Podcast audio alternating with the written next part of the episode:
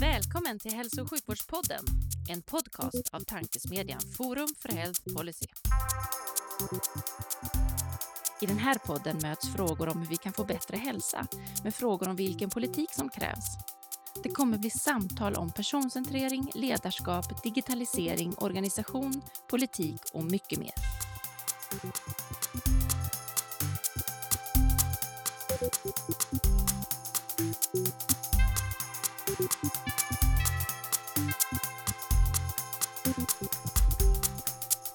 Hej och välkomna till ännu ett avsnitt av Hälso och sjukvårdspodden, Tankesmedjan Forum för Health Policies podcast där vi diskuterar de stora frågorna inom hälso och sjukvården med initierade personer från densamma.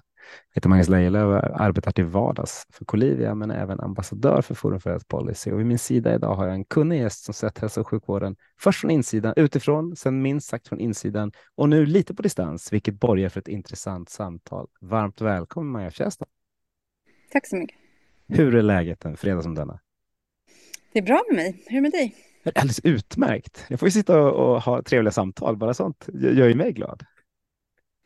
Men jag, jag är lite, jag liksom håller mig lite till mitt format, så jag tänkte jag börjar med min, min, den första frågan som, som jag nu ställt till 110 personer. Hur tror du att svensk hälso och sjukvård ser ut 2040?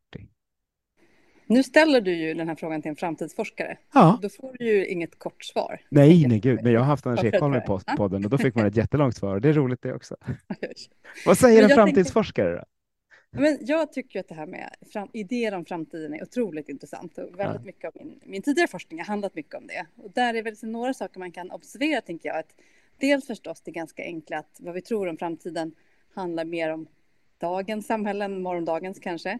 Ja. Men också att vi faktiskt skapar morgondagens samhälle genom att uttala oss om framtiden. Därför att vi, vi bygger samhället genom att bygga visioner. Och det här är, jag tänker så här, det är en ganska banal ibland ledarskapsfilosofi förstås, att visioner är en viktig del av ledarskap, men visioner är också en viktig del av samhällsbygget. Och det är ju väldigt ofta bra, tänker jag. Det är väldigt bra att man formulerar sig kring vad man vill. Det är bra att man formulerar sig om olika riktningar.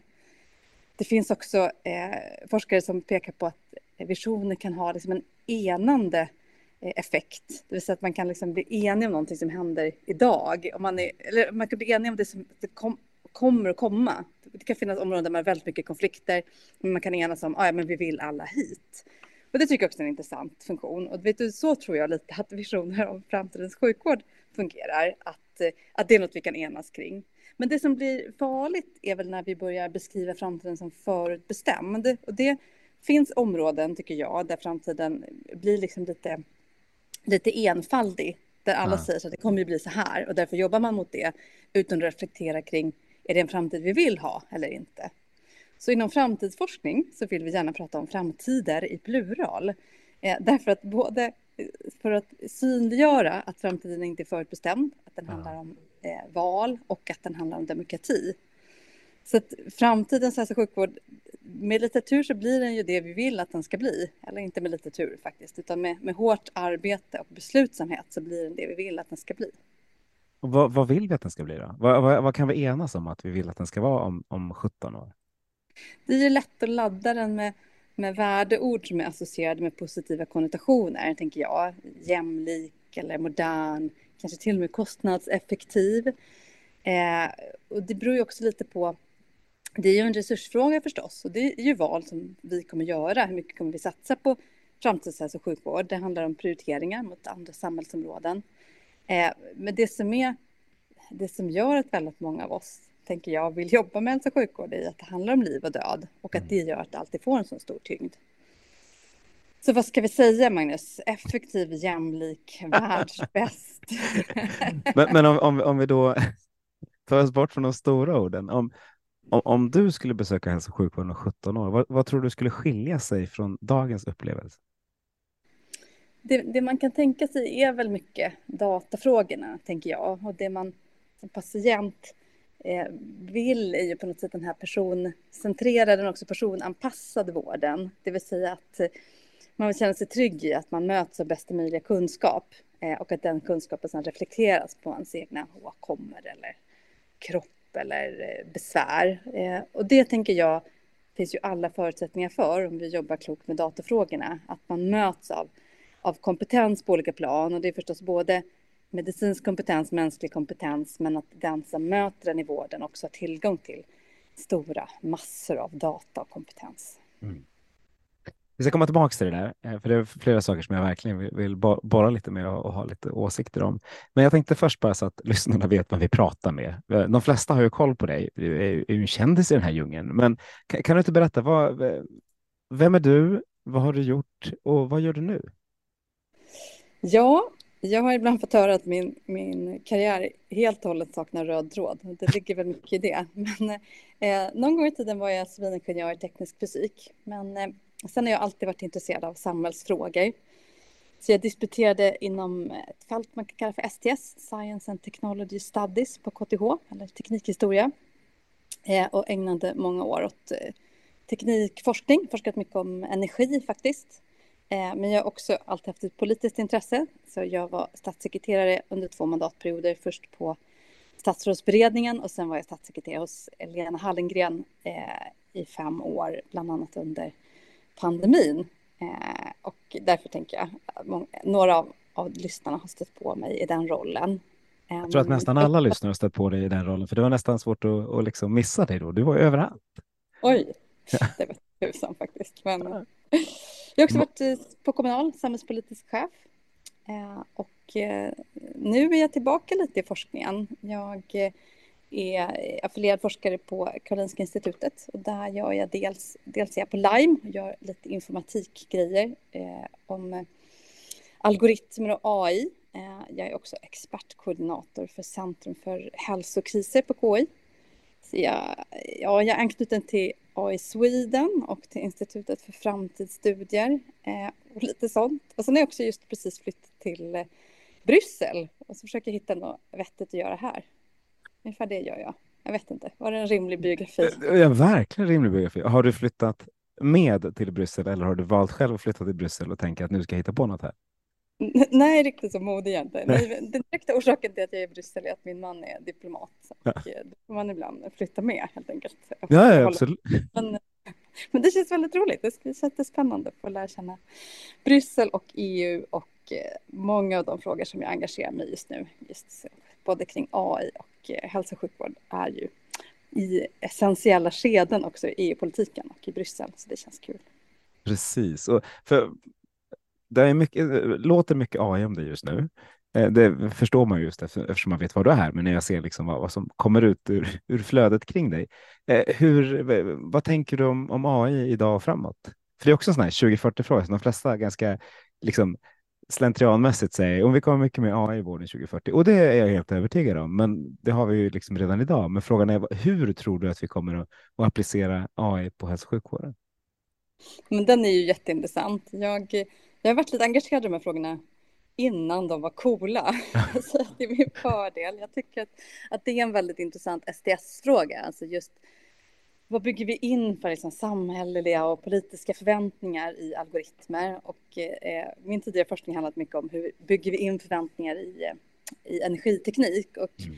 eh, just det, det, våra tekniska konstruktioner är ofta väldigt politiska. Och där, där tycker jag verkligen man kan applicera AI-frågan också om man ska spana lite framåt så tycker jag många av de exempel man stöter på nu är så här, man kan använda AI i bilddiagnostik. Och det är ju, om man ska vara ärlig, det är lite en no-brainer. Ja. Alltså det har ganska länge. Eh, det är en ganska uppenbar applikation där AI är bättre än det mänskliga ögat eller kan komplettera det mänskliga ögat väldigt bra. Men där det börjar bli liksom lite extra intressant är också AI i kanske organisationen av vården, kring eh, prevention, eh, kring de här liksom riktigt stora vårdfrågorna. Eh, väldigt mycket av det man gör inom medicin är ju någon typ av algoritm i den meningen att det är sätt att göra någonting. Eh, jag har pratat med flera läkare om det här med, med triage exempelvis. Andning, blödning, chock. Det är ju en algoritm. Mm. Eh, och det här är ju ingenting som på något sätt utmanar läkarvetenskapen eller den medicinska vetenskapen. Men sker det någonting om man lägger in de här i, i programspråk eller om man, man kodifierar dem? Ja, ibland, ibland inte. Ibland är det bara liksom att, att kodifiera ett beslutsstöd. Men ibland så tar man bort det här, ja, fast just den här patienten har ju inget ben. Så att vi måste anpassa, liksom här är en akut skadeplats, då kan man inte bara checka så här, andning, blödning, chock. Eh, att, det, att det finns liksom en, en, en mänsklig bedömning som går utöver algoritmen. Ibland, mm. ibland inte faktiskt. Ibland är en algoritm lika bra. Ja, precis. De är ju jättemycket bättre på vissa saker och sämre på andra, men det är väl hur vi jobbar tillsammans med dem. Vi var på Vitalis här i våras och det, det stora snacket var om en människa tillsammans med, med digitala hjälpmedel olika, på olika sätt och att ChatGPT har klarat AT-tentan i USA efter liksom några månaders inlärning. Det är ju coolt och det kommer ju förändra hur vi jobbar med patienter till det bättre om vi gör det på ett, liksom, på ett bra sätt. Men det finns ju massa farhågor. Hur, hur, känner, hur, hur, mm. hur känner du kring det hela? Liksom? Nej, men det finns många dåliga sätt att använda AI. ja, verkligen. vi ser många dåliga sätt att använda AI också, tycker jag. Eh, jag tycker att det finns, eh, det finns många oreflekterade sätt att införa teknik. Det här tänker jag det är inte första gången i historien man ser dåliga sätt att implementera teknik. Och det brukar ju stötas och blötas tills det blir bra. Eh, mm. men när man är lite snabb och exempelvis inte tänker på demokratiskt inflytande så kan det ju bli lite tokigt. Eh, jag har ett projekt ihop med Simon Winge som är chefsekonom på SSR eh, som jag har jobbat lite med hur man införde beslutsstöd för utbetalning av ekonomiskt bistånd i socialtjänsten. Och där kan man ju kodifiera så mycket så att det blir tokigt. Så att man man lägger beslut som borde omfattas av offentlighetsprincip eller våra rättssäkerhetsprinciper i källkod som inte går att begära ut och där man inte får reda på eh, sin, eh, eh vad ska man säga, bakgrunden till att man får avslag. Det här var en större skandal i, i Holland för några år sedan som ledde till att den nederländska regeringen faktiskt fick avgå när man hade lagt för många bidragsbeslut i en algoritm som inte gick att överklaga. Och det här tycker jag, det, kan verka som en ganska banal eller byråkratisk användning av AI eller algoritmer. Men, men det här är farliga sätt att använda AI eh, därför att vi faktiskt hotar det här öppna eh, samhället som vi vill bygga. Och ibland känner jag att det är lätt att prata om så här mördardrönare och stora AI tar över världen. Fast bara de här in, oreflekterat införande av AI i eh, offentliga system är också farligt. Mm. Och det kommer en sån eh, liksom AI-relaterad eh, nyhet förra, förra veckan när Babylon Health eh, gick i konkurs. Som liksom är, är, är det den digitala triageringen som känns helt rimlig att implementera, men som mm. liksom inte riktigt om, om det var vi som inte var mogna för det som system eller om det var att det just blev en, en black box någonstans där man inte riktigt kunde få reda på exakt vad som fanns bakom. Eh, hur, hur, hur, tror du på, liksom, tror du på digital triagering i någon slags avancerad tappning? Eller vad, vad, vad, tror du? För jag, jag tycker det är komplicerat. Ja, men alltså, dels tänker jag att det inte är så mycket jag som ska tro, utan, utan ja, fast, fast, fast, nu har ju vi chansen att göra det. En här ja, det. Liksom. Nej, men, jag tänker att så här, man, man får inte heller så här, exotifiera algoritmer så mycket så att säga, åh nej, det är inte en dator som bestämmer var jag ska hamna när jag kommer på mm. akuten. Så här, ja, fast det är ju i alla fall en algoritm i någon mening. Alltså vad ska man säga, beslutsstöd är också en algoritmisering. Vi använder mm. alla algoritmer på massa olika sätt när vi gör saker. Eh, och man, det finns en massa medicinska handgrepp som just är handgrepp, alltså följder av eh, interventioner som man gör när någon har en viss typ av symptom. Eh, det är inte konstigt. Däremot om det fattas beslut på grundval av det. Alltså man blir bortsorterad och inte riktigt kan få reda på varför. Eh, sen är det ju ibland så här, ja men ditt blodtryck är lite för lågt eller faktum är att syresättningen gjorde att vi av, liksom, avböjde att göra den här operationen. Det är ju beslut man behöver respektera som patient, men de behöver kunna förklaras och jag tror väldigt mycket på transparens. Jag tänker att det är en del att ta tillbaka makten från läkarna och den rörelsen har vi haft ganska länge, tänker jag, i eh, flera decennier. Att som patient vill man ha tillgång till den bästa kunskapen. Och på något sätt under 1800-talet då, kanske läkarvetenskapen byggde mycket på monopoliserande av kunskap. Och där är vi inte längre. Och där kan ju digitaliseringen hjälpa till med det. Mm, och då gäller det att vi inte skapar nya svarta lådor. Men jag tror för, för, en sak, just nu så styr alla algoritmer och allting vi gör när vi pratar nära vård, när vi pratar med styr liksom till vårdcentralen eller sjukhuset i mångt och mycket. Min bild av om vi pratar 2040 är att det kommer vara mycket mer prevention och att det kommer vara fler aktörer som är med i systemet. Jag brukar lyfta Apoteket, ICA och Frisk och Svettis som liksom är tre sådana här aktörer som borde vara med och ta hand om hälsa, ta hand om mig när jag blir lite äldre men då behöver de vara med i liksom triageringsloopen också. Jag ska väl kanske inte till vårdcentralen, jag kanske måste, behöver åka till Friskis istället, men det behöver ju styras av något. Tror du att vi kommer att öka liksom, ekosystemet framåt? Ja, men det tror jag verkligen och jag tänker att vi, vi måste ju göra det. Jag tror att eh, jag tror att jag tänkte lite kring covid, att så här, oj, efter den här fruktansvärda epidemin så kommer vi också satsa mycket mer på folkhälsa. Vi kommer landa i kunskapen att eh, vad ska man säga, god hälsa är grunden för ett välfungerande samhälle. Vi måste ta vara på oss själva, samhället måste byggas så att det är enkelt att göra hälsosamma val. Det blev det ju sådär med, tycker jag. Jag vet inte vad du tycker. Jag ser liksom ingen stor surge av folkhälsa, tyvärr. Nej, eh, ja. Och där tänker jag så här, där måste vi bli väldigt mycket bättre på att bygga in. Jag tänker att vi måste också bygga incitament för det. Men, men det du skissar på, om jag ska vara lite, vinka lite med faroflaggor, och, och gör det, för, för jag, jag skissar ju med flit lite brett så där för att det ska finnas någonting att prata om. Ja, du lägger upp bollen lite för att jag ska bli provocerad. Det funkar. Eh, nej, men eh, det finns ju också faror. Jag tänker att vi liksom aldrig blir så, så entusiastiska och glada att vi, att vi blir naiva. Och jag tänker att så här, vi, vi är liksom aldrig mer än två riksdagsval från fascism. Det tänker jag att man ska tänka ibland. Vi är vana vid att lita på offentliga aktörer, vi är vana vid att lita på företag och på staten. Men men vår data kan komma i oriktiga händer. Eh, och det tänker jag ibland på. på eh, I USA är det väldigt många kvinnor som är rädda för att använda eh, mensappar eh, därför att man inte vet vad den informationen tar vägen. Därför att man är rädd att bli eh, bli dömd för att ha gjort en abort eller liknande. Mm. Eh, och att information om ens egen kropp som man tänkte var var oproblematisk helt plötsligt blivit problematisk. De trodde också att de levde i en liberal demokrati där rätten till ens egen kropp var grundlagsfäst. Så visade det sig att de inte gjorde det. Eh, och där tänker jag så här, om, om ICA har väldigt mycket information om, om dig och din kropp och dina preferenser eh, så kan det hamna i orätta händer. Jag tror också jag är lite präglad av att ha bott i, i Tyskland i många år där man är väldigt rädd för, för att registrera saker av for a reason. Eh, och där tycker jag vi ska vara lite försiktiga. Sen blir det så här, man får inte vara så... Det får inte leda till att man inte använder en massa data som kan rädda liv och bygga bättre samhällen. Eh, men jag tänker att så här, man, får inte vara, man får inte vara naiv i vilken data man samlar in och vem som äger den datan. Och eh, saker kan ändras snabbare än man tror. Och det ska man absolut inte vara. Men om, om jag tittar nu på vem som vet mest om min, min, liksom, min hälsa. Ja, det är väl ICA, va? Så är det Ica. Nu är han ja, men han vet också, de vet också om jag köper läkemedel eller om jag har vaccinerat mig. För liksom, mm. de har hela ekosystemet i mångt och mycket.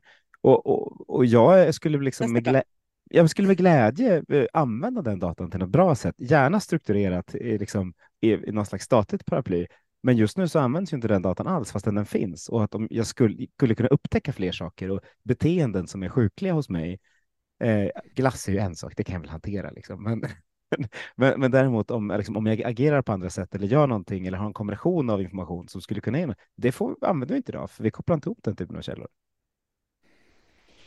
Nej, så är det ju. Eh, jag tänker att här i Belgien till exempel så ska ja. man välja lite vad man, eh, handlar jag på nätet, det var en nätaffär som jag precis mm. har lärt mig göra. Mm. Då kan man välja lite vilken typ av rabatter man vill bli erbjuden. Om man vill bli erbjuden rabatter på mat med Nutri-score A Eh, det här är ju briljant tycker jag, för då kan jag själv liksom nudga mig lite grann i vad jag väljer. Och jag älskar ju möjligheten att, till nudging. Den är ju otroligt underutnyttjad. Jag tänker det är det du, som du pekar på lite grann. Absolut. Eh, men sen är det också så här att eh, ICA har nog också ganska mycket information om vår sexualitet, eh, våra graviditeter. Eh, och det är information som idag är okomplicerad för att vi lever i ett fritt samhälle. Men vi kanske inte alltid kommer leva i ett fritt samhälle. Jag tänker så här, vi får inte glömma bort det. Det finns andra aktörer som är auktoritära aktörer som också vakar över oss. Ja, precis. Jag är, och där är jag naiv, tveklöst. Det är inte, jag, jag ser ju snarare att den största hälsovinsten vi skulle kunna ha, det är att ställa en impedansvåg på vägen in på ICA. Och så får du ställa dig på den och så ser du, har du gått upp sen sist, då får du rabatter på broccoli. Har du gått ner så kan du liksom få rabatter på annat. Det hade ju liksom verkligen kunnat styra vårt, vårt agerande. Men jag håller med, orätta händer är ju inte så skönt heller. Nej. Ja, det där var en dyster bild du på. Det, men det, nej, men det, det är en jättesund bild. Men hur, hur tycker du vi ska använda data? För jag tycker att vi har väldigt mycket kunskap. Vi har hysteriskt mycket kunskap inom hälso och sjukvård. Vi har ganska mycket data, men den är inte så strukturerad och, och besluten som tas kring mig tas inte alltid utifrån all data som finns, utan tas kring en kunskap som finns och kring att så här, jag är man i 45-årsåldern snarare än liksom, jag är Magnus, individen Magnus. Hur ska vi komma till att, att det blir individen vi tar beslut kring? Ja, men så är det verkligen. Och jag, eh, jag tänker när man, eh, när man som jag ser tillbaka på år som statssekreterare så tänker man mycket på, på eh, saker som inte blev som man tänkte. Jag tänker att väldigt mycket av min tid försvann till smittskydd som jag tror jag skulle ägna åt annat. Men jag är faktiskt stolt över steg vi tog på datområdet och det var någonting som, som jag och Lena Hallengren försökte ha på näthinnan. och när vi kom in så fanns det ju en väldigt stark eh, uppfattning att det var förbjudet att dela data mellan regioner eller mellan kommuner. Och det var ju fullkomligt orimligt. Alltså, eh, ursäkta mig att man bryter benet i Sundsvall och då bara, ah, men vi kommer inte ha dina journaler. Det går liksom inte, vården kan inte jobba så. Eh, så jag är väldigt eh, stolt och glad över den utredning som Sören man gjorde och som eh, kom, eh, lagstiftningen började gälla första januari i år. Vi skrev också en eh, ny biobankslag som också handlar om möjligheten att eh, dela data, inte minst när man gör helgenomsekvenseringar eller man lämnar prov för andra syften. Eh, och tillsatte en utredning om primärdata och en om sekundärdata. Och min eh, liksom, avsikt var ju att försöka lägga någon typ av infrasystem, en struktur där man sen kan ha väldigt mycket bättre datalagstiftning. För jag tänker så här, vi har haft en ganska risig datalagstiftning eh, och det blir patientfarligt. Eh, alltså just det här att man man helgenomsekvenserar en tumör och så vill man kolla så här, vad finns det för liknande och hur olika behandlingar fungerat och sen kan man inte titta på genom från andra regioner. Så kan vi inte ha det. Det verkar inte som förväntan från medborgarna är att det görs. Nej, verkligen. Jag håller med. Ja. Ja, bra. Det är, det är en bra grund och det börjar komma mer. Men det är också, vi behöver liksom, här behöver man verkligen se till att, eh, att få framtidssäkra lagarna lite. Mm. Eh, för jag tänker att jag, att jag som patient, när jag, nu håller jag upp min telefon här, men den har ju så jävla mycket information om mig som jag skulle vilja att vården hade. Om, om, om jag kommer in till dig som läkare så vill jag att du ska veta om om jag rör mig eller inte. Eh, och jag vill också att du ska, liksom, du ska se det, all den, liksom den data jag samlar på i någon slags aggregerad fin form. Och det vill ju jag tillåta min läkare att kunna göra. Det känns ju jättedumt att, att liksom jag ska lyfta fram någonting och visa, jo men jag rör mig faktiskt. Men det, vi pratar om det viktiga, det som, som handlar om mig, det är min, min sjukdom istället. Men jag är inte expert på EHDS och det händer saker med den dagligen. Men ja. en av de saker som jag tycker är väldigt intressant är ju just så här, rätten som patient att ladda upp sin data. Och jag tycker att det är så häftigt att det kommer med. Därför att precis som du tänker att alltså, man tappar ju förtroendet för sjukvården när man inte kan, man bara har den här datan. Man håller på eh, mäter sin himla hjärtslag hela tiden, man ser någonting och om vården då reagerar med så här, men det där, den där mätningen har inte vi gjort. Alltså det blir, det blir, det blir som helt orimligt. Varför befinner jag mig i det här Kafka-systemet? Eller varför kan inte vården ta hand om informationen? Det är lite som, eh, jag har vid något tillfälle tagit något eh, prov i ett annat land, i Tyskland, och, sen, och då är de så här, oj, det här ser oroväckande ut, jag tror din läkare i Sverige måste titta på det här. Och så säger läkaren i Sverige, så här, ja, men det här provet brukar vi aldrig ta i Sverige. Man bara, nej, jag förstår, men nu är det taget. Och min tyska läkare säger så här, det här ser inte bra ut. Eh, det här, eh, jag har ibland haft svårt för det här lite, som jag ibland kan uppfatta som lite paternalistiskt hos, vet, hos eh, medicinvetenskapen. Att så här, det här ska vi veta, det här ska vi inte veta. Fast nu finns den här kunskapen, så här, ska vi använda den eller ska vi inte? Jag förstår att man inte alltid kan mäta allting, det är dyrt, det är resurskrävande. Men eh, som patient så, så vill man också få använda den data som finns. Verkligen. Eh, men inte bara vill, man kräver det. I alla fall jag. Mm. Hur går det? Sådär skulle jag säga, men det, det är väl därför jag så här, delvis pratar om det, för just nu så har inte jag något jättebehov av det, eftersom inte jag liksom besöker vården speciellt ofta, mer än med mina barn, och då, då är det liksom oftast en annan sak. Men jag inser att jag så här, när jag väl behöver det så vill jag ju att det ska ha kommit dit. Får vi se om vi har tur att dina, dina lagförslag och lite annat liksom gör, no gör någonting bra av det och att EUDS bara löser allt mirakelaktigt. Tur och tur. Man får, man får se till att det blir så. Man får se till att det blir så, absolut. Det kan vara därför jag lyfter det i varenda podd jag har. Men, det är så. men du, du, du nämnde eh, pandemin eh, och liksom, den hade ju massa negativa saker naturligtvis och ganska, ganska stor sak. Men vad, vad tänker du tillbaka som så här lärdomar från det? Inte, för nu var du jätte liksom, involverad på väldigt många sätt. Vad, tar du med dig någonting och tycker du att vi har, liksom, har glömt något? Eller hur, hur, hur, hur, hur är känslan så här efteråt? Det är ingen liten fråga. En skitstor fråga. Men jag jobbar rätt mycket med stora penseldrag. Med stora frågor, ja. Eh, det finns ju lärdomar på så många plan, tänker jag. Det finns en massa personliga lärdomar förstås. Det finns liksom institutionella. Det finns saker som, som blev bättre under pandemin. Det finns saker som, eh, som, som inte blev det, tror jag. Eh, jag tänker så här.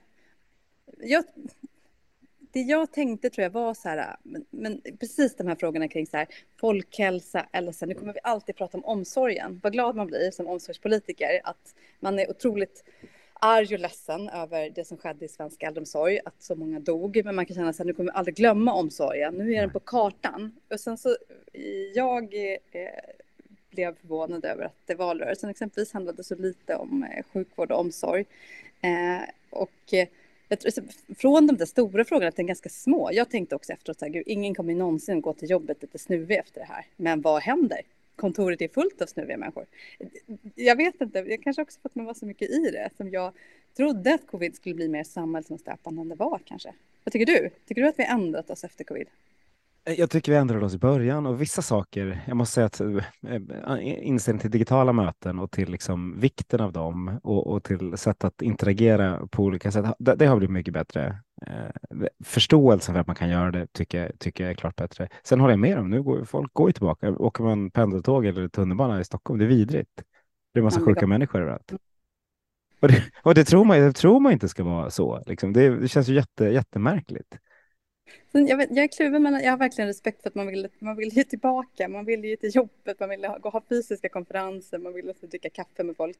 Men jag tycker att det är väldigt lite digitala möten, måste jag ändå säga. Jag tycker att man blir kallad på väldigt mycket fysiska möten. Eller? Och det, alltså, ja, man blir kallad till en del, men, men, men liksom vikten, många förstår att här, enskilda möten kan, det funkar digitalt, det går att göra ja, det funkar, saker. Det är rätt ja. Det finns en insikt kring det. Mm. Men, men det jag tyckte vi var sämst på, det var just det ersätta kaffeapparaten. Mm. För vi, det, det var det enda man pratade om under pandemin. Vi saknar att gå till stå liksom, Den här informationen kommer aldrig fram. Bara men, lä, hitta en ersättning. Låt oss skapa samma sak fast digitalt så att vi, liksom, så vi kan jobba. Även om den dagen du är sjuk så kan du få kaffeapparatskänslan.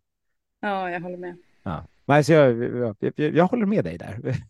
och jag tycker det är fascinerande att vi ibland tappar bort saker som, vi, som ju liksom hela samhället ställde om på. Sen är det, jag vet inte, man kanske också glömmer bort det som blev bra. Eh, jag tänker också så här, det finns en massa lärdom om krisberedskap som jag tänker finns kvar. Det finns viktiga utredningar som sitter eh, om eh, ja, Hirschfeldt och ny smittskyddslag.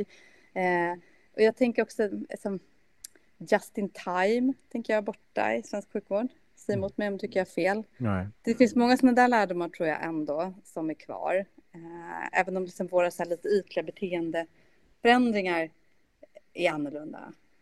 Liksom, eller gick tillbaka ganska snabbt. Så jag tycker att det finns en del eh, allmänna lärdomar faktiskt. Det tycker jag nog. Jag, jag håller fullständigt med. Jag har bara insett att det är några saker som inte händer så finns det liksom, så, så det är väl olika saker. Eh, men, men definitivt, det finns något slags förtroende också för systemet som, som delvis, delvis blir starkare och delvis blir svagare, lite beroende på vad, vad, man, vad man trodde på innan. Jag försökte läsa på lite om spanska sjukan Mm. Eh, under pandemin. Okej, okay, berätta, nu blir jag nyfiken. Som allt annat, man hade, som att man inte hade något att göra. Men jag tycker att det är väldigt intressant. Den spanska sjukan, vilken fruktansvärd pandemi. Så otroligt dödlig, jättehög dödlighet, typ tio gånger så hög dödlighet som covid. Eh, drabbar också unga människor mellan 20 och 30, dog som flugor. I ett krigshärjat Europa som också präglades av censur. Vilken mardröm, tänker man. Och ändå så beskriver många, nu är det klart källäget är liksom lite skakigt också för att den hamnade mitt i många andra katastrofer, men många beskriver ju liksom att, att samhällseffekterna blev ganska små. Mm. I och för sig, en del tycker också att det var, la grunden till moderna sjukvården, ska man säga. Men att man, man gjorde ju ingen som helst lockdowns, exempelvis, i samband med spanska sjukan, eh, som ju ändå är en influensa som sprids på de här sätten som man känner igen. Eh, väldigt lite beteendeförändringar, eh, möjligen en del lärande inom sjukvården. Jag tänker att det är så olika vad vi lär oss från olika pandemier. HIV tänker jag också var en pandemi som fått ganska stora sociala konsekvenser. Eh, medan spanska sjukan lite mindre. Svininfluensan ganska lite. Mm. Också en läskig sjukdom, tycker jag. Det är ganska många läskiga sjukdomar. Det finns många läskiga sjukdomar. Ja. Ja, det får man. Kommer bli fler. Hur, ja, absolut. Och hur förberedda tycker du vi är då? Förutom att vi har lite utredning på vad vi har lärt oss en del. Tror du att vi liksom, kommer vi att, hur kommer vi tackla nästa, nästa pandemi? Man kommer ju aldrig det svåra är men jag säger ibland också att så här, vi hade precis tagit fram en pandemiplan. Den hade landat på mitt skrivbord december 2019. Eh, och eh, sen blir ju inte pandemi exakt så som man hade tänkt sig. Eh, det är ju inte precis det viruset. Eh, vi hade kanske trott att det skulle komma en influensapandemi, det kom en coronapandemi. Eh, så eh, det är aldrig riktigt det, man kan aldrig använda riktigt det som man har tagit fram. Ehm, men jag tänker ändå att så här, kunskapen om hälso och sjukvård, vikten av Eh, hygien. Det tycker jag är en sån här, alltså, vi införde utbildningar i basal hygienrutiner i äldreomsorgen väldigt snabbt. Det tänker jag faktiskt är så här, det är ingen som pratar om för det var liksom ingenting fancy. En av de absolut viktigaste åtgärderna faktiskt. Eh, äldreomsorgslyftet, hur vi eh, gav möjlighet till många fler utbilda sig till undersköterska. Det finns en del så här åtgärder som är som jag tycker är maffiga men som aldrig, aldrig fått så mycket uppmärksamhet för de är inte så glamorösa. Några sådana saker tycker jag är jätteviktigt. Ja. Ja, det, viktiga saker utan tvekan. Eh, eh, en annan sak som vi, vi då tar som, som vi kom fram till saker där vi borde göra lite nationellt eh, för att liksom kunna göra saker och ting bättre. Hur, hur är din, liksom, när du tittar tillbaka på fem år eh, med, med Lena Hallingen i olika former, regionalt kontra nationellt styre brukar man säga, det är visst tramsigt för det, är så här, det, det finns något av både och naturligtvis. Men, men hur, hur, skulle du vilja att vi, vi strukturerade Sverige om du hade ett vitt ark, papp, blankt ark papper och bara fick göra om det? Kastar du in den där lilla frågan? Ja. ja. Eh, jag tänker att, att pandemin pekade på en del utmaningar med att ha sjukvården organiserad i 21 regioner. Eh, sen blir den alltid... Jag, jag, jag är inte hälso och sjukvården för att jag tycker att eh, organisation är roligaste. Det finns mycket annat än sjukvården som är roligare än organisation. Eh, är det liksom bättre att ha statlig sjukvård? Eh, att det är jag tveksam till. Väldigt många av de som pratar om statlig sjukvård vill inte heller att staten ska driva sjukvård utan att eh, staten ska upphandla och allt ska vara privat. Det är jag också skeptisk till. Jag vet, man känner sig lite retro när man säger att det här det gamla förslaget om sex stora regioner verkar vara ett bra förslag. Det tycker jag fortfarande. Jag tror att det är dött, och det tycker jag var ett bra förslag. Men det är ganska många som verkar tycka att det är ett bra förslag. Det är det som är stökigt. Ja. Varför är det ingen som säger det? Men det är ju inte så hett att säga det. Liksom. Nej, det... Vi har ju redan, röst, det har redan röstats ner och så här. Så synd ändå. Nej, men den är lurig. Ja. Jag tror att man, man måste tänka att vi behöver, liksom, ett, att det finns en stark förväntan på nationell samordning eh, i lite högre grad. Eh, och liksom vad det innebär rent lagstiftningsmässigt eller juridiskt tycker jag är komplicerat. Det är klart, det får alltid ställas mellan vikten av att rösta i lokala val och känslan av demokrati och inflytande. Sen klart motfrågan kan vara så här, men hur, hur liksom stor är medvetenheten om att jag faktiskt röstar kring olika styr och olika resursnivåer för min lokala hälso och sjukvård? Ja. Hur, hur stor tror du den är? Ja, det, det brukar göras undersökningar regelbundet hur många som ens vet vem som styr den region man bor i. Det är väl sådär va? Ja, absolut. Ja, men och det, och det, är verkligen, och det skiljer sig mellan partierna hur, hur, liksom, hur kunniga man är på nationell nivå på vissa frågor och hur kunnig man är regionalt. Det är liksom en, det, det, det, finns ju en skillnad i, i, i den nationella, regionala och kommunala nivån som ju inte alls tas hänsyn till när vi röstar. Nej, så är det. Ja. Skulle jag gissa. Nu är det samma sak där. Det är, det är svårt att veta, men det, det, låter som det finns något i det.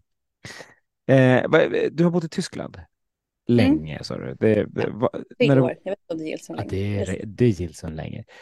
Hur var din bild av sjukvården i Tyskland kontra sjukvården i Sverige?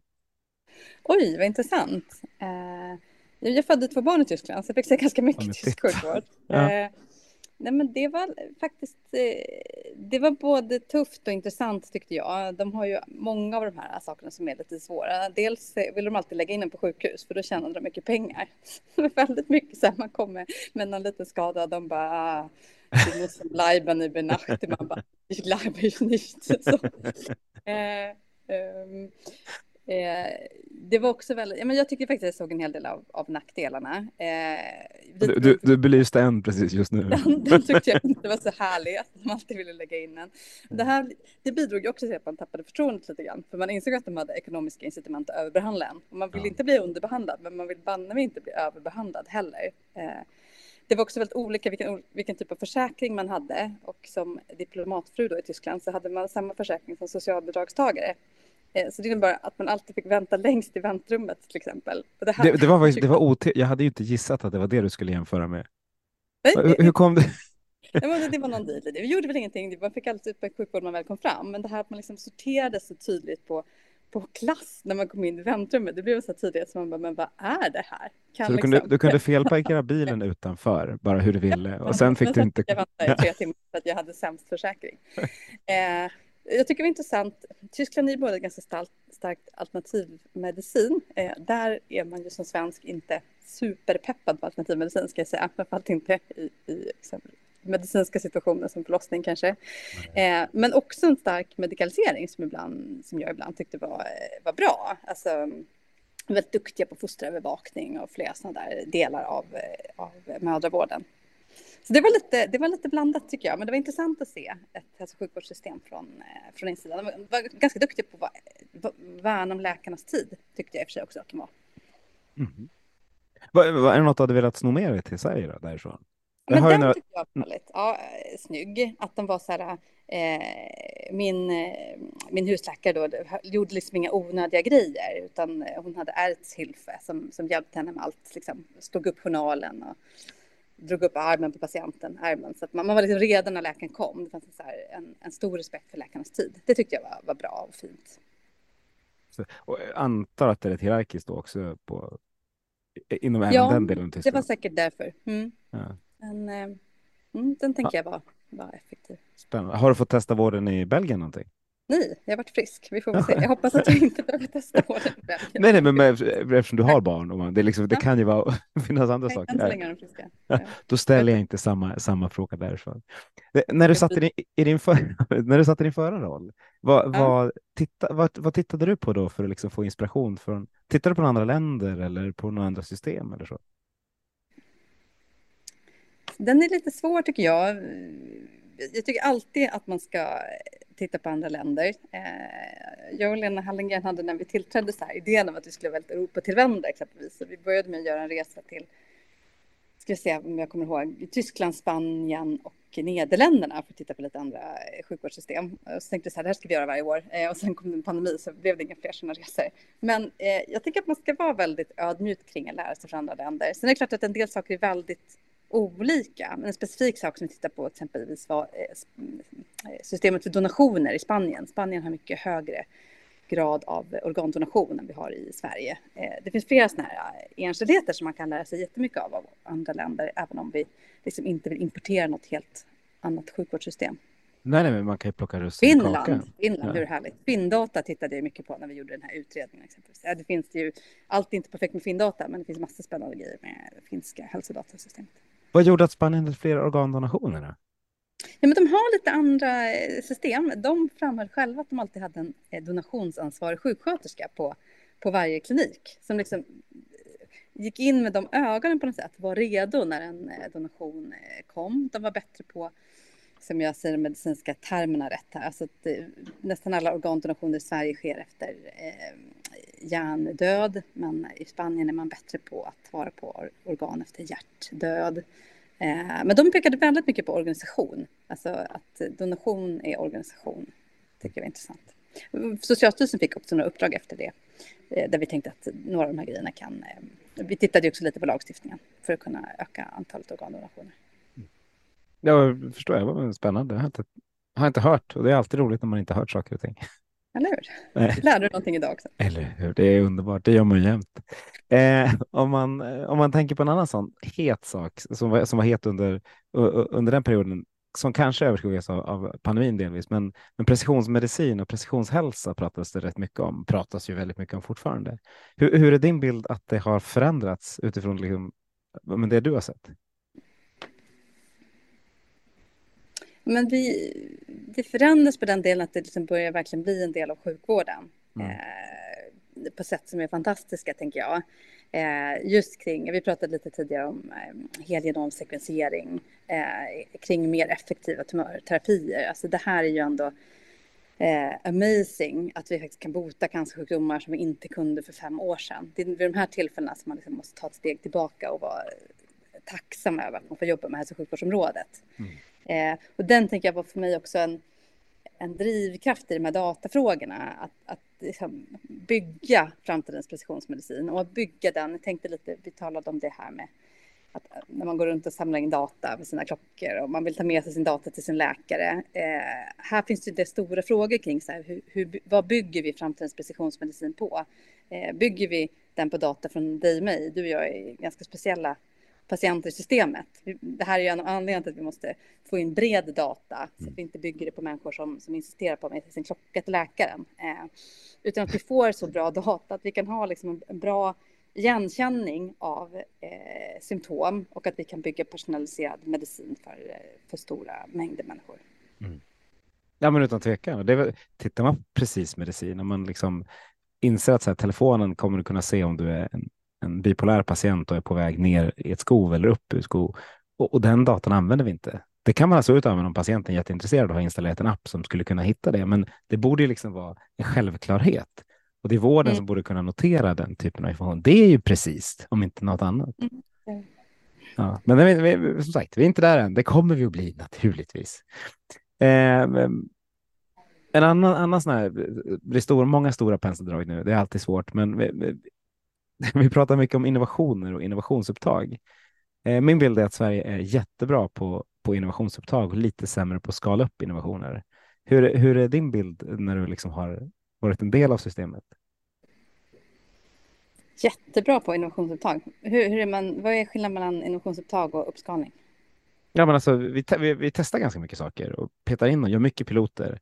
Och sen så går från pilot till liksom någon slags verksamhet och, och, och att göra dem lite större så är vi, är vi sämre på. Eh, men det är många som får cred för att de provar saker och, och gör nya saker och testar nya små, små inkrementella förbättringar. Men sen få in det i stor skala och lära sig av sjukhus emellan eller regioner, gud förbjude, emellan och så. Det är svårare. Det, det, det man tycker är ofattbart är så här, vi har pratat om det i så många år. Så här, det skalar inte. Alltså hur många har sagt det? På hur många scener? På hur många vitalis har vi pratat ja, om? Men det, det, det, jag blir galen. Eh, men jag vet inte, jag har också lyssnat lite på din podd Magnus. Eh, mm. Och då tycker jag att många säger att här, det börjar bli bättre. Men det kanske man alltid säger. Men det är ju någonting. Det är väl bättre också. Det, är inte, det säger jag ingenting om, men det, det finns fortfarande, det är inte riktigt där än. Men det är kanske jag som bara tycker det. Men det, det är väl någonting så här, varför är det så svårt att få till de här äh, lite större upphandlingarna i vården? Eh, det tänker jag, en fråga du får ställa till nu heter det Adda, va? Addas ja. vd, nästa poddavsnitt.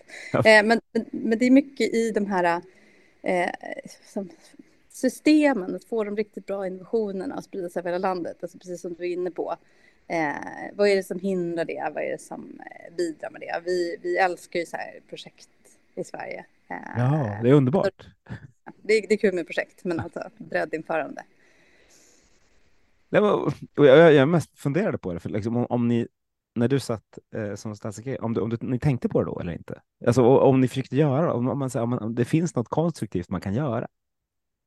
Ja, men, ja, det gör det förstås. Eh, sen är det ju mycket som är på regional nivå eller på SKR-nivå förstås. Men det var ju en, jag tyckte att det var väldigt roligt med det här samverkansprogrammet för life science som mm. eh, jag statssekreteraren ledde. Det som var så bra med det var att vi samlade eh, olika aktörer, liksom både regioner, näringsliv, patientföreträdare och sen så eh, fick vi liksom tillsammans tvingas eh, prioritera lite grann.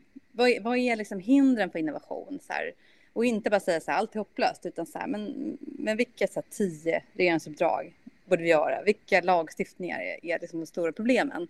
Jag tyckte det blev väldigt bra. För mig var det väldigt tydligt att få en kravlista. Eh, mm. och det tror jag att vi la en hel del uppdrag, både liksom, myndighetsuppdrag och till lagstiftningsförändringar som faktiskt eh, pekade åt det hållet. Mm. Vad, vilka topp tio saker tycker du har gjort för lite av? Ja, det kan bli slutet av min karriär, men sitter här och gnäller på en Vi, skit, vi skiter i det. Jag, det, det ska vi inte göra. Man ska inte behöva, behöva sluta en karriär bara för att man får en dum fråga i en podd. Eh, en, en sak som, som, det, som det också pratas mycket om just nu är kompetensförsörjning eh, eller bristen på kompetensförsörjning. Eller, ja, vissa tycker att det finns mycket personal, vissa tycker att det finns lite personal, men, men att, det, att vi har ett problem, det är liksom, där är alla ganska eniga. Hur, eh, hur ser du på det? Liksom, med din, dina olika hattar? Jo, men det är ju slående eh, hur i princip alla regioner eh, rapporterar brist på alla kompetenser eh, och att det här liksom, det fortgår så länge och vi behöver liksom stora både satsningar och stöd och allokering. Eh, för oss var det här vårdkompetensrådet eh, mm. ett att komma till rätta med det. Både då att få så här regioner i samma rum som Socialstyrelsen, men också de här satsningarna vi gjorde på AT-platser till exempel. Alltså vad är, vad är flaskhalsarna i kompetensförsörjningssystemet? Ja, men det är några av dem. VFU-platser, AT-platser. Um, söktryck på vissa utbildningar. Eh, ibland så lägger de på geografiska platser som inte är idealiska. Eh, och där tänker jag så här, den kommer det ju fortsätta vara topp tre samhällsproblem, kommer inte det? Kompetensutmaningen. Och det är ju ja. inte bara, man vill ju att alla ska, ska läsa till vårdutbildningar, men det är ju inte bara inom vården vi har kompetensutmaningar, det är många områden som behöver. Alla, alla, alla ska jobba i vården i framtiden alla ska jobba inom techindustrin i framtiden och alla ska jobba. Det är väldigt många alla ska jobba. Men då måste man jobba annorlunda. Det är ju liksom, det är också en sån här sak vi slänger oss med rätt ofta, att vi måste göra det här på det här. Vi kanske ska digitalisera lite saker. Vi ska, men, men hur, hur annorlunda kan vi arbeta med, med den personal liksom, numerär som finns idag för att faktiskt känna att vi inte har en kompetensbrist, särskilt när det liksom, är fler personer som behöver vård? Nej, verkligen. Det finns ju en eh, omfattande naivitet i att kunna prata om att men AI kommer du kunna spara xxx tusen jobb. Ja, eller du vet, eller inte. Eh, den där är ju lite, vi pratade, började med att prata lite om farliga framtidsvisioner och att liksom peka ut precis vilka yrken som ska försvinna. Det tror jag är en sak som är lite, lite farlig. Men däremot att tänka kring, kring breda kompetenser, kring förmågan att omskola sig. Det är ju faktiskt, eh, ibland är det lätt att prata om att Sverige är dålig i en del sådana frågor, men vi är faktiskt duktiga på att stödja omställning. Vi är duktiga på att eh, folk kan göra andra saker, byta karriär mitt i livet. Ja, men exakt, för, för man tänker det, om, om vi får självkörande bilar som vi litar på om tio år så har du ett gäng taxichaufförer som skulle kunna göra någonting annat. Det finns ju några, om man bara tar, försöker hitta stora sådana som man kanske kan tro på eh, i framtiden.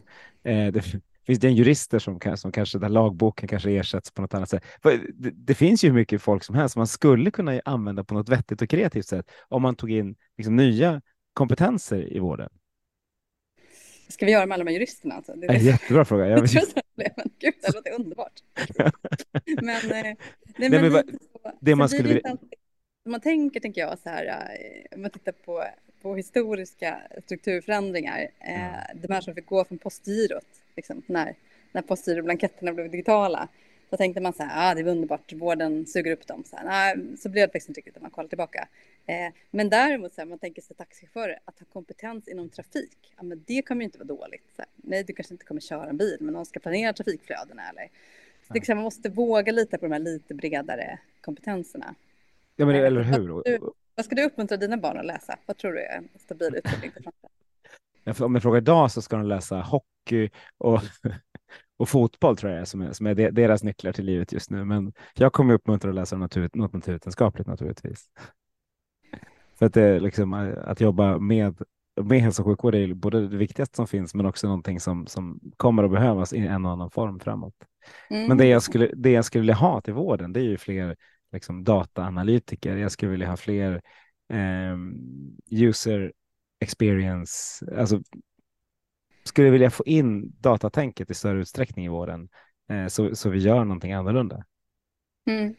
Men det är den där, för när vi, även om vi kommer jobba med all den här datan som vi, som vi säger att vi har, så vad ska vi göra med den när vi får all data? Mm. Nej, så är det. Och, och kanske också, man, man, vill ju tro på det här liksom, lite breddkompetenserna. Eh, sen är det lätt att, jag vet inte, det är lätt som ingenjör att alltid tycka att det ska vara fler ingenjörer i alla samma sektorer. Man kan också bli, man kan också bli trött på alla de ingenjörerna. Men eh, den här liksom, lite, att våga tro på den lite bredare kompetensen eller att våga liksom, tänka att man kan, man kan jobba i vården med de här lite andra erfarenheterna, det tror jag absolut vad skönt att kunna säga så. Jag är apotekare. Då kan man inte säga så här. Det behövs apotekare i alla sektorer, för det, liksom, det gör inte det. det... jo, säg så. Tycker jag. Det brukar funka de flesta. Men om du tittar på andra sektorer, om vi om liksom tittar utanför, finns det något du skulle vilja plocka med till hälso och sjukvården från, från någon av, av de andra sektorerna som du jobbar inom?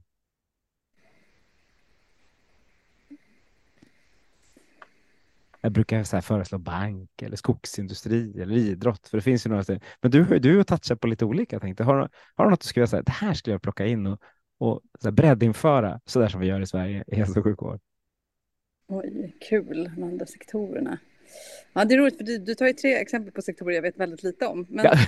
vet, banksektorn har jag alltid gillat. Jag vet ingenting om banksektorn. Men det, min bild av banksektorn är att så här, eh, att den är intellektuell i det bemärkelsen att man har en omvärldsbevakning, en omvärldsanalys. Och det gillar jag väldigt mycket. Jag tycker att det kommer, eh, även om jag inte då alls är ekonom, så tycker jag att det kommer väldigt mycket roliga rapporter och liknande som, som bankerna ger ut eller presenterar. Eh, och det tycker jag är, är en jätteintressant omvärldsbevakning. Det tycker jag ibland att vården är lite dålig på. Att ha liksom ögonen på horisonten, att snappa upp lite vad som rör sig. Eh, och inte bara då kanske i som nya medicinska upptäckter, för det är de utmärkta på. Men lite så här, ja men vad har vi för EU-lagstiftning runt hörnet? Så här, vad händer i, i Asien? Eh, den typen av omvärldsbevakning beundrar jag mycket att bankerna gör. Det är helt sant. Sen gillar man ju BankID kanske också, det här att de samarbetar mellan en massa stora banker Mm, och skapar gud. någonting som verkligen löste någonting. Samarbete om journalsystemen. Ja. Ja, men man hade ju kunnat tänka sig att, att, att Capio, Praktikertjänst, eh, Region Stockholm och Region VGR samarbetade kring någonting. Nu behöver inte, jag vet det låter utopiskt, jag håller med. Men, men, men kunde de där sju storbankerna samarbeta så nog borde man kunna göra det. Men har du någon, eh, funderar, liksom, eh, något annat område du, där liksom, som du tittar på? Jag bara funderar på om du har något utanför de här. För du ser ju en del ändå. Du tror det? Ja. Ja, men du, lite, lite så här, teknikhistoria, då borde man kunna hitta någonting spännande och föra in i sjukvården. Ja. Ehm, Du behöver inte svara heller, det är lugnt. nej, men jag ska tänka lite grann. Alltså jag, eh, det jag tycker är lite intressant med att ha studerat energipolitik till exempel, Mm. är ju just den här balansen mellan vad som är tekniska beslut och vad som är politiska beslut. Eh, och därför tycker jag att det finns, finns likheter med hälso och sjukvård, det här att man har väldigt stark expertis. Eh, och jag tänker att så här, fysiker och läkare är väl ungefär lika bångstyriga. Eh, och, och vill liksom slå vakt om sin egen professionella expertis. Och det är superviktigt. Eh, och de behöver få göra det. Samtidigt så behöver man få öppna upp de frågor som är demokratiska. Eh, och eh, jag har en, en favoritförfattare som heter Gabrielle Hecht, som är en fransk-amerikansk teknikhistoriker. Hon har skrivit om den franska kärnkraftsutvecklingen. Och hon menar då att, att ingenjörerna blev liksom lite för förtjusta i att fatta beslut. Så att de gärna ville fatta beslut utan politikerna. Och hon pekar då på att beslut som borde, var, borde tagits i liksom folkvalda församlingar togs av ingenjörer. Och det här, den förskjutningen tycker jag alltid är lite intressant. Vad är, vilka beslut behöver fattas demokratiskt och vilka behöver fattas av experter? Eh, och det är någon slags axel som är intressant och inte alltid självklar. Där båda eh, delarna har, har liksom, eh, sina platser. Verkligen. Och det finns ju några sådana stora beslut som det pratas mycket om nu vad gäller till exempel IT-infrastruktur och, och sådana här saker. Är det, är det något där vi riskerar att gå för mycket åt ett eller annat håll? Att det antingen blir för politiskt eller för professionsdrivet? Jag tror alltid den risken finns faktiskt. Eh, men jag tycker nog att eh, jag tycker ofta att man ser att det blir för professionsdrivet faktiskt. Funderar jag på, i alla fall i tekniksektorn. Ja. Eh, tycker jag, och det beror nog lite mycket på att här, politiker är lite fega i att eh, kasta sig in där och lite, det är lite bekvämt att låta eh, ingenjörer fatta beslut. Eh, men det är också farligt. Absolut. Eh, Har, har du sett några sådana farliga områden i Sverige? tror du? Mm, ja, men alltså, några av de här som vi också börjar prata med, eh, införande av algoritmer i offentlig sektor, tycker Mm. jag har gjort lite lättvindigt. Eh, att man blivit liksom lite, eh, det här verkar kul, det här är ett kul lösning på ett system. Ja, men eh, svarar det upp mot proportionalitet och god förvaltningssed etc. Eh, behöver inte det här tas av en demokratiskt vald församling och inte minst då hur kan ansvarsutkrävande ske? Och för att ansvarsutkrävande ska ske så behöver det finnas öppenhet, det behöver finnas möjlighet att granska eh, och det behöver också finnas eh, alltså både kompetens hos granskare men också skyldighet att, att redovisa i förståeliga format. Mm. Man, jag pratar om explainable AI och där är liksom, det är också en viktig skyldighet tänker jag. Alltså, någon typ av algoritmisk revision pratar man om ibland på EU-nivå. Med skyldigheten faktiskt kunna visa vad en algoritm gör eller vad en, vad en procedur gör. Mm. Det är en bra tanke. Det är, för det finns några sådana områden, utan tvekan så, där vi, liksom, där vi, där vi kan falla ner i det. Mm, det gör verkligen det. Spännande. Finns, jag blir lite orolig här när jag hör de här grejerna. Kanske får ändra min så här, eh, sten, jättepositiva syn på, på, på allting kring vad AI kan göra framåt för oss. men ja, det är väl lite det som är poängen. Ja, ja, både och. Det finns ju så fruktansvärt mycket roligt som man kan göra med AI också. Det finns ju så mycket det finns ju så mycket demokratisering som AI kan stå för också, i den mm. meningen att man demokratiserar kunskap. Alltså det här med att man kan eh, be eh, ChatGPT sammanfatta en eh, forskningsrapport. Hur bra är det? Mm. Eller att låta dem skriva lite källkod om man inte har lust att göra det själv. Fantastiskt bra. Alltså många av de här kunskapsmonopolen som, som lett till många starka professioner utmanas ju på det viset och mm. inte utmanas prompt på att så här, de tar våra jobb eller alltihopa. Men de utmanas på att man faktiskt som privatperson får tillgång till ganska exklusiv kunskap på ett sätt som är fantastiskt ju. Mm. Så jag tänker att så här, ja, men tyvärr är det väl liksom så modifierat att AI har så fantastiska möjligheter för demokratin, men vi behöver också vara lite försiktiga. Jag var på ett föräldramöte, eller var på två faktiskt i veckan. Eh, härligt mm. när man lägger dem samma vecka, men eh, mm. där det här var ett av temana som kom upp. Så här, hur ska vi använda AI i skolan eller inte använda? för viss kunskap behöver man, kan man ju fuska sig till, men man lär sig ingenting av det. Och att kunna prompta rätt till ChatGPT är ju liksom en kunskap man behöver kunna också. Men hur, hur ska man göra? Det, det, det tycker jag är en utmanande fråga. Eh. Mm, det är intressant. Sen blir den ibland lite, den diskussionen kan ibland bli lite platt tycker jag. Eh, skoja inte, det var jätteplatt. Men var, jag var ändå så att jag, jag, jag satt ändå där så här ja, det, det, finns väl två synsätt här som är rätt viktiga båda två. Eh, men men hur, hur, hjälper man skolorna att göra rätt? Mm, nej, men så är det. Och det är lite på olika på olika stadium. Jag vet inte, jag tycker jag hade många, många tentor på KTH när det var så här, man fick med sig vad man ville, alltså alla anteckningar, miniräknare, kursboken. Därför att det ändå, det hjälper inte när man ska lösa en knivig ekvation, utan man behöver i alla fall använda huvudet. Och jag tänker att här, allt med kunskap blir ju sån. Sen är det klart att liksom, examination på lägre nivå kan bli lite komplex. Men, ja, men, men, lite, men, men om du är i sjunde klass och ska lära dig Hallands floder, det gör man kanske i fjärde klass då, men då, då är det helt, då är det, liksom, då är det plötsligt ganska enkelt. Ja, men då säger jag så här, skit i dem, de behöver du inte lära dig utan till. Det är mitt svar. Det är orimligt att inte kunna Hallands floder. Liksom. Hur kan man överleva i framtiden? Det går bra tror jag. Det är bara att googla. Ja. Nu har vi pratat i nästan en timme. Eh, tiden går så härligt fort när, när, man har roligt. Är det något du tycker när du kommer in i det digitala rummet som du känner att det här hade jag velat prata om? Och Magnus, han har ju bara tagit stickspår åt andra håll. Det varit en del stickspår denna fredags eftermiddag, men, men jag är på mat som jag tycker vi borde prata om. Tack för ett eh, skojigt samtal. Ja, tack själv. Tacka tackar varmast. Det här är ju jätteroligt. Jag hoppas att vi kan ta med oss din pessimism och din optimism, för du har ju liksom eh, gett sken av båda, eh, vilket är, det är bra att balansera saker och ting. Eh, och så tar vi och gör något, något kul av det här. Tack så mycket Maja. Tack så mycket.